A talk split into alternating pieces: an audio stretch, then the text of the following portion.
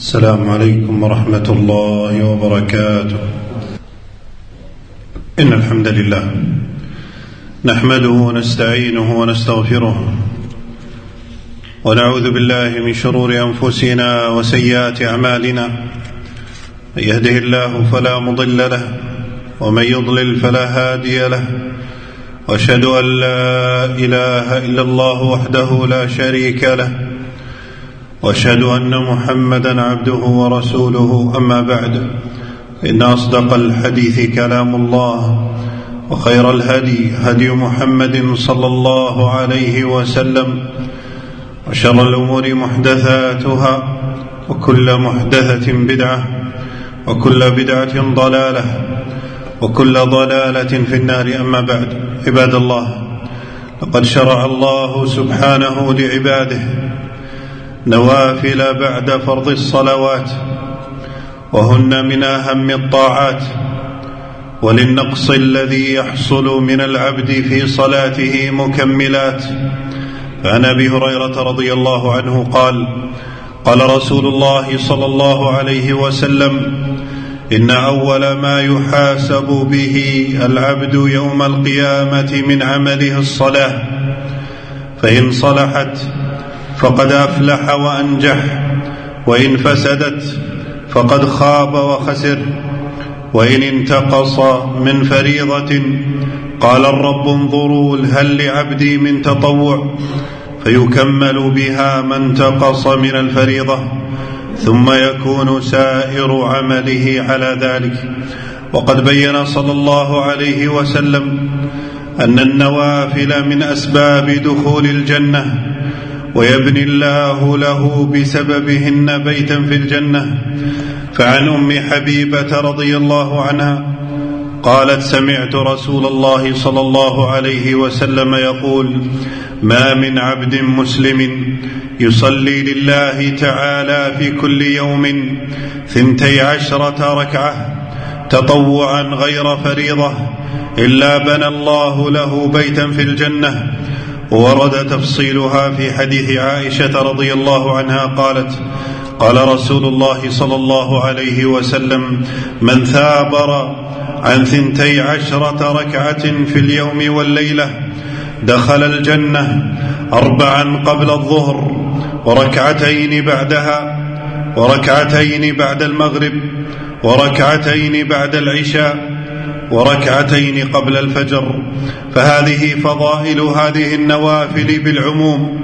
أما بالخصوص فقد ورد في سنة الفجر فضل خاص عظيم. عن عائشة رضي الله عنها قالت عن النبي صلى الله عليه وسلم أنه قال ركعتا الفجر خير من الدنيا وما فيها.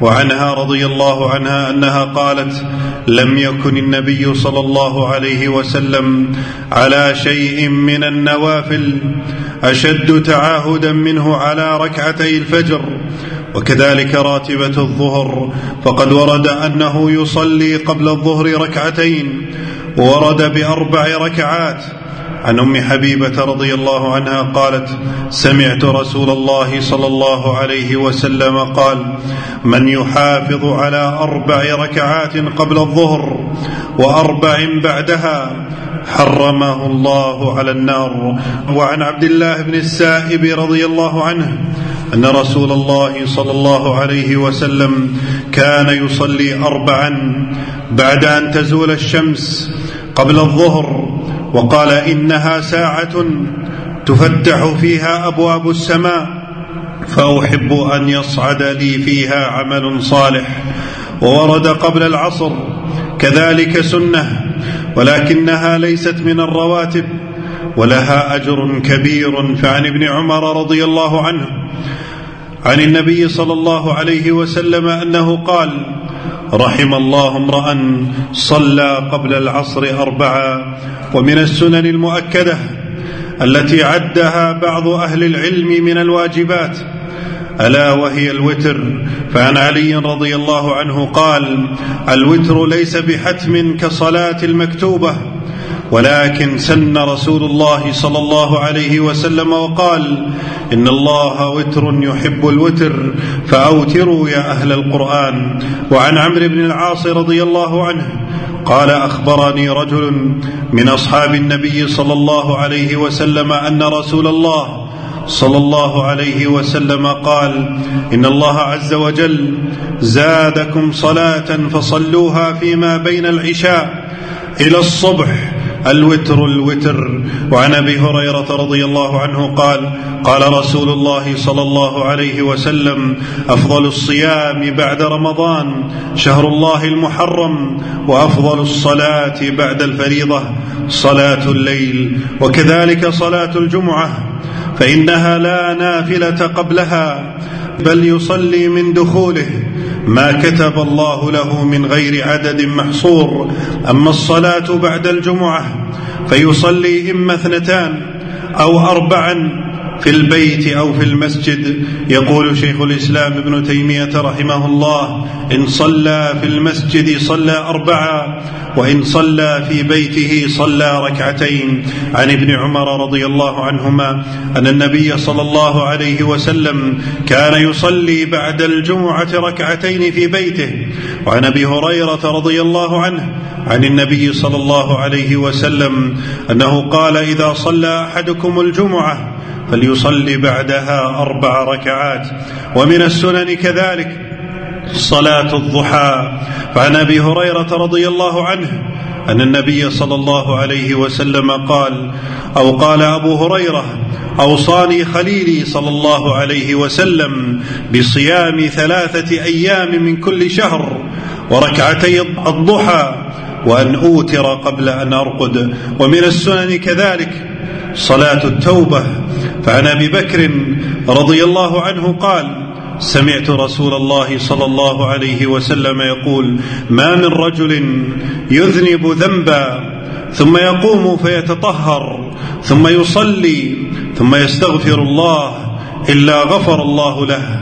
ثم قرأ هذه الآية والذين إذا فعلوا فاحشة أو ظلموا أنفسهم ذكروا الله إلى آخر الآية. ومن السنن التي كان يواظب عليها رسول الله صلى الله عليه وسلم ويحث عليها أصحابه والناس في غفلة عنها صلاة الاستخارة.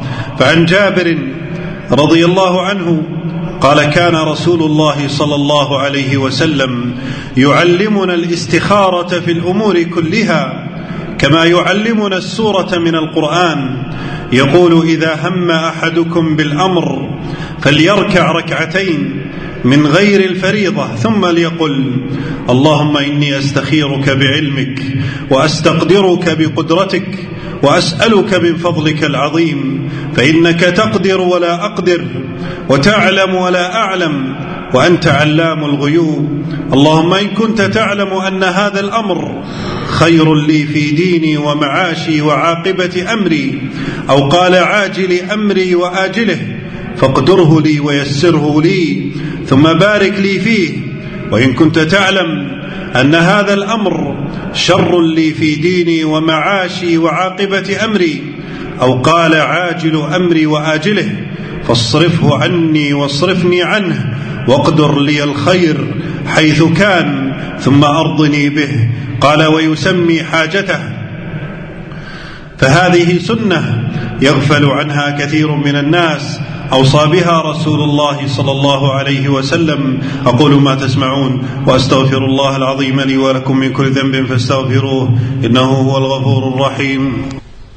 الحمد لله الصلاة والسلام على رسول الله وعلى آله وصحبه ومن اتبع هداه أما بعد عباد الله. اعلموا أن النوافل من أسباب محبة الله للعبد ودفع الأذى عنه واستجابة الله لدعائه.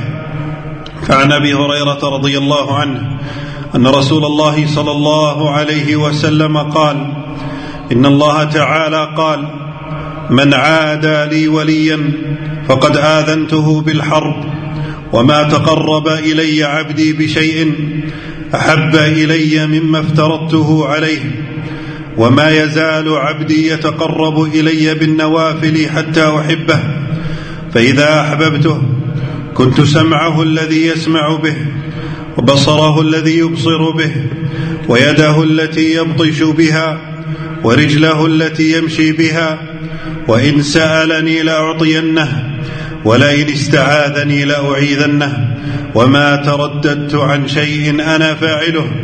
ترددي عن نفس المؤمن يكره الموت وأنا أكره مساءته, مساءته ولا بد له منه.